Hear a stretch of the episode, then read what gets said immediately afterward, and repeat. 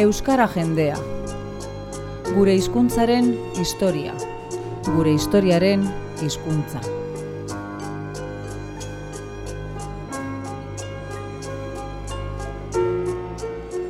Izen bereko liburuaren egilea den Xamar ikertzaileak, Bilbo iria irratian Xavier Monasteriorekin, solasean pasarte laburretan aurkeztu eta azalduko diguna. Euskaldunok gure historia hobeto ezagutzeko.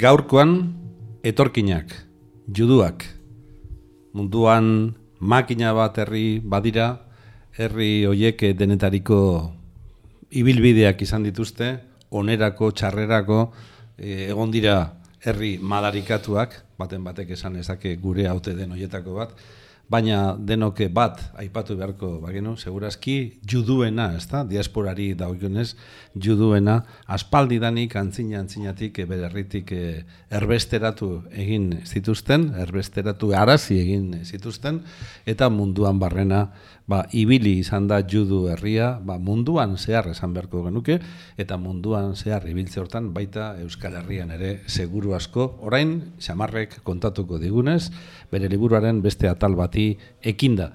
Kaixo xamar?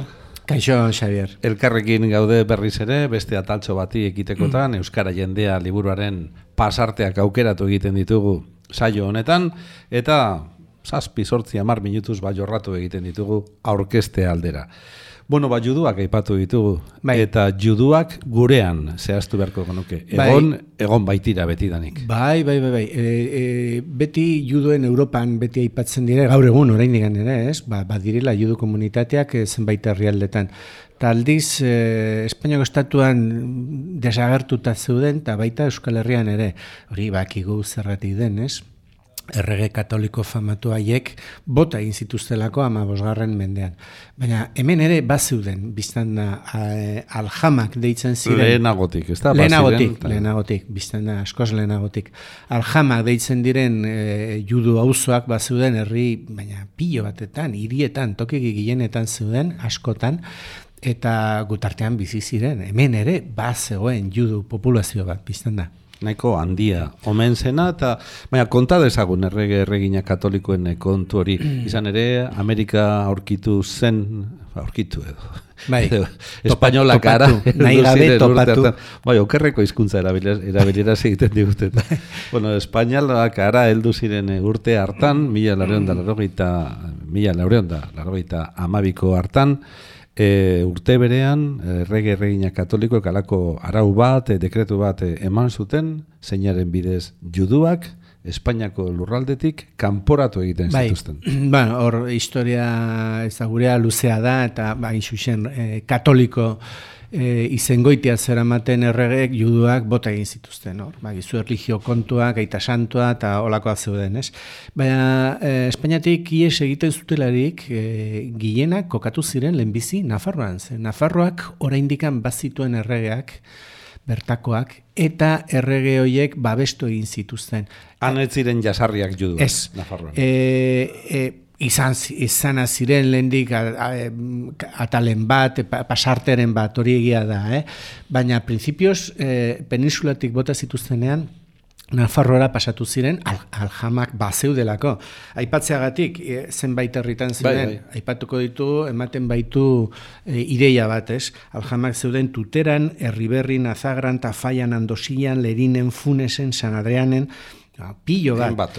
Gero, gainerakoetan zeuden e, gazteizen, biasterin, espejon, gesaltzan, bastidan, gebaran, e, arrasaten, gipuzkoan, seguran, deba eta zumai artean, enkarterrian, durangaldean, balmasedan, urduñan, izu herri zabalduta zeuden. Eta e, ulertzekoa da, zen gainera, erabiltzuten espaizituzten lurrak, zuten bizi modua zen banka. Bai. Hori lotzen dena prestamoak eta juduekin, hor e, egiako, egia parte bat bada, biztan da.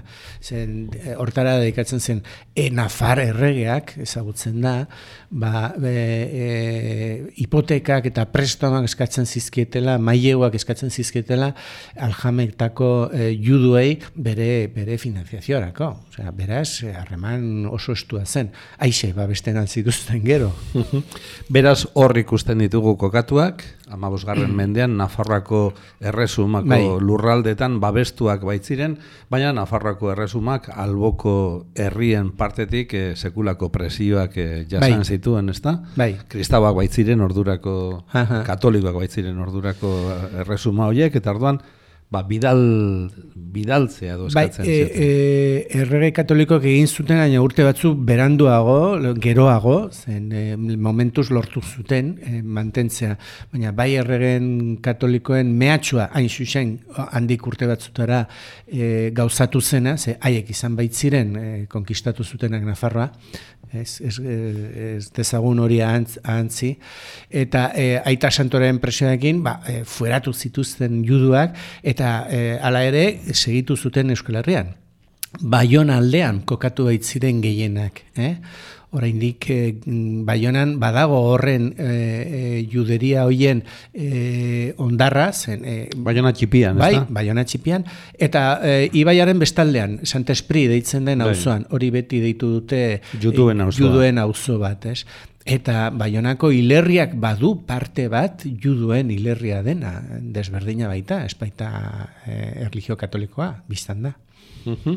Eta tartean, eta historiari begiratu sakon bat eh, eman eskero, ba, izendun juduak ere aurkitzen ditugu gure historian, ez zuzen ere, bueno, gure historian, Euskaldunen historian, baina baita eh, juduen eh, beren Bai. historian garrantzi handiko gizon bi aurkitzen ditugu. Bai, bai, bai, bat e, biak tuteran sortuak, tuteran zegoen aljamak e, indarra handia baitzuen, eta e, potentea zen bere garaian, ama bigarren mendean, bez, mila eunda hogeita zazpian, sortu zen Benjamin izeneko judu bat, eta Benjamin honek egin zuen bidai bat e, tuteratik hasita eta Asia bitartean.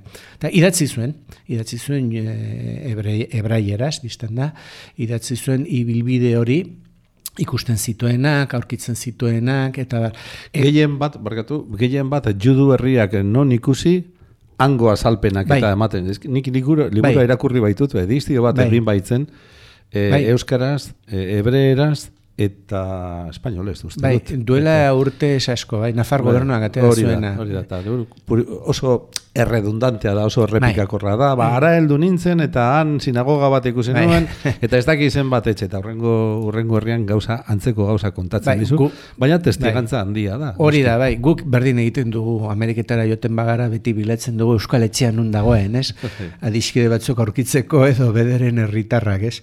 Ba hori da, eta e, Benjaminek idatzitako liburua, bueno, e, ebraierazko literaturan eta- kulturan, ere, ito bada, izuer importantea, bai, gaur egun badire juduak etortzen direnak e, edo joaten direnak tuterara, ezagutu nahian Benjaminen e, Herria. sorterria, bai, bai, bai, hola da, ez? Baina, tuteran beste, beste judu ospetsu bat eh, izan zen, hain zuzen ere, e, Jeuda Halebi izeneko. Hau, denet, honek denetarik egin zuen gainera, ezta? Hau, bai, bai, bai, denetek ibili sendagile, filosofo, olerkaria oso ezaguna omen da. Humanista bat. Bai, bai, oso ezaguna omen da, ezpeitaki nola auskatzen den hau, diguan izeneko olerki liburu bat, oso ezaguna da, e, braierazko kulturan ere bai, eta ibilgizen gero Alfonso, e, es, e, gaztelako Alfonso seigarren erregearako lanean, hango haren e, Josef, e, Josef In Ferrusel, funtzionario batek babesturik, eta nolabait bere, bere babesean zeudenak, ez? Eta eh, honek eh, eh, judaismoen defensan idatzi zuen baita arabieraz ere. Azteko hizkuntza bat baina gehiago, ze hebraiera bazekien, arabiera bazekien, Zon jakintzua. e, gaztelera jakin behar zuen, eta probableki euskara zerbait zen. Ama bigarren mendean euskaldungoa e, ez behar bada bertakoa, baina bai ingurutako herritakoa e, e, oso e, desentea zen tutera, tutera hartan, ez?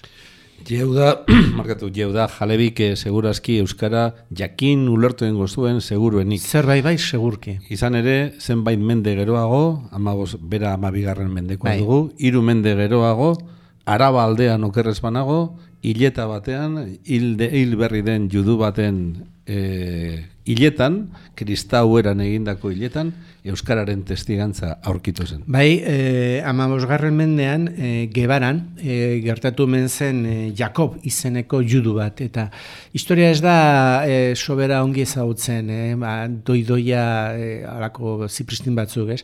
E, dirudi Jakob hori eh, hil egin zela eta hil baino lehen eh, kristautu egin zela. Kristautu egin zela edo zutela, ze presioa Bai, zen, bai, bai. izugarrizkoa zen eh, beren erlijioa bazter zezaten, ez? Esan dezagun bide batez, e, kristautu egiten ziren edo zituzten Bai. judu horiek normalean santuen abizenak deiturak hartzen zituztela oso kristauak zirela erakusteko. Erakusteko. Horregatik dago hainbeste San Miguel, San Antonio, eta San Pelayo talakoak e, Euskal Herrian, ez da Santa Maria, adibidez. Bai, bai, bai. Ta iduri du, ba, e, kristautu ondoren hil baitzen, e, oso hurbil, e, orduan azken momentuko gauza bat izan omen zen, ba, e, eneko, apezen artean, eneko izeneko batek e, dudan eman zuela bere, bere erlijio aldaketa hori, ez?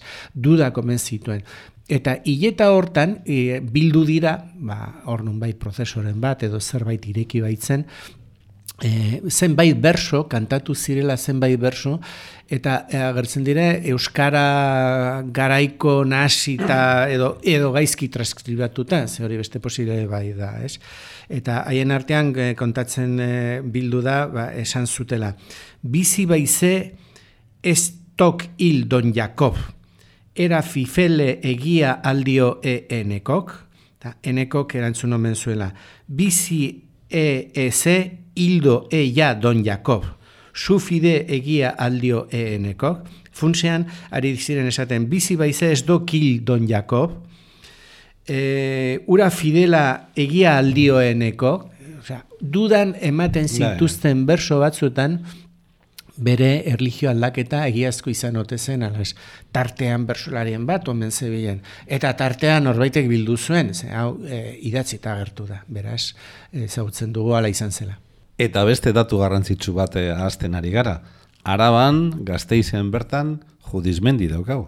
Bai, e, toponimian e, horren arrasto belitu da, biztan da, gaurko gazteiz ez da lengua, eta lehen e, hiri guztiak bezala hormatuta zegoen, horma singuraturik, eta judoak probableki pues, e, kanpoan bizi ziren e, beste auzo batean, edo eta auzo horrek e, judizmendi izena zuen, eta desagertu baz, bada ere, edo bazen, edo kanporatuak izan baziren ere judoak, e, tokiaren izenak iraundu, iraundu orain arte. Eta hilerri ere bertan da.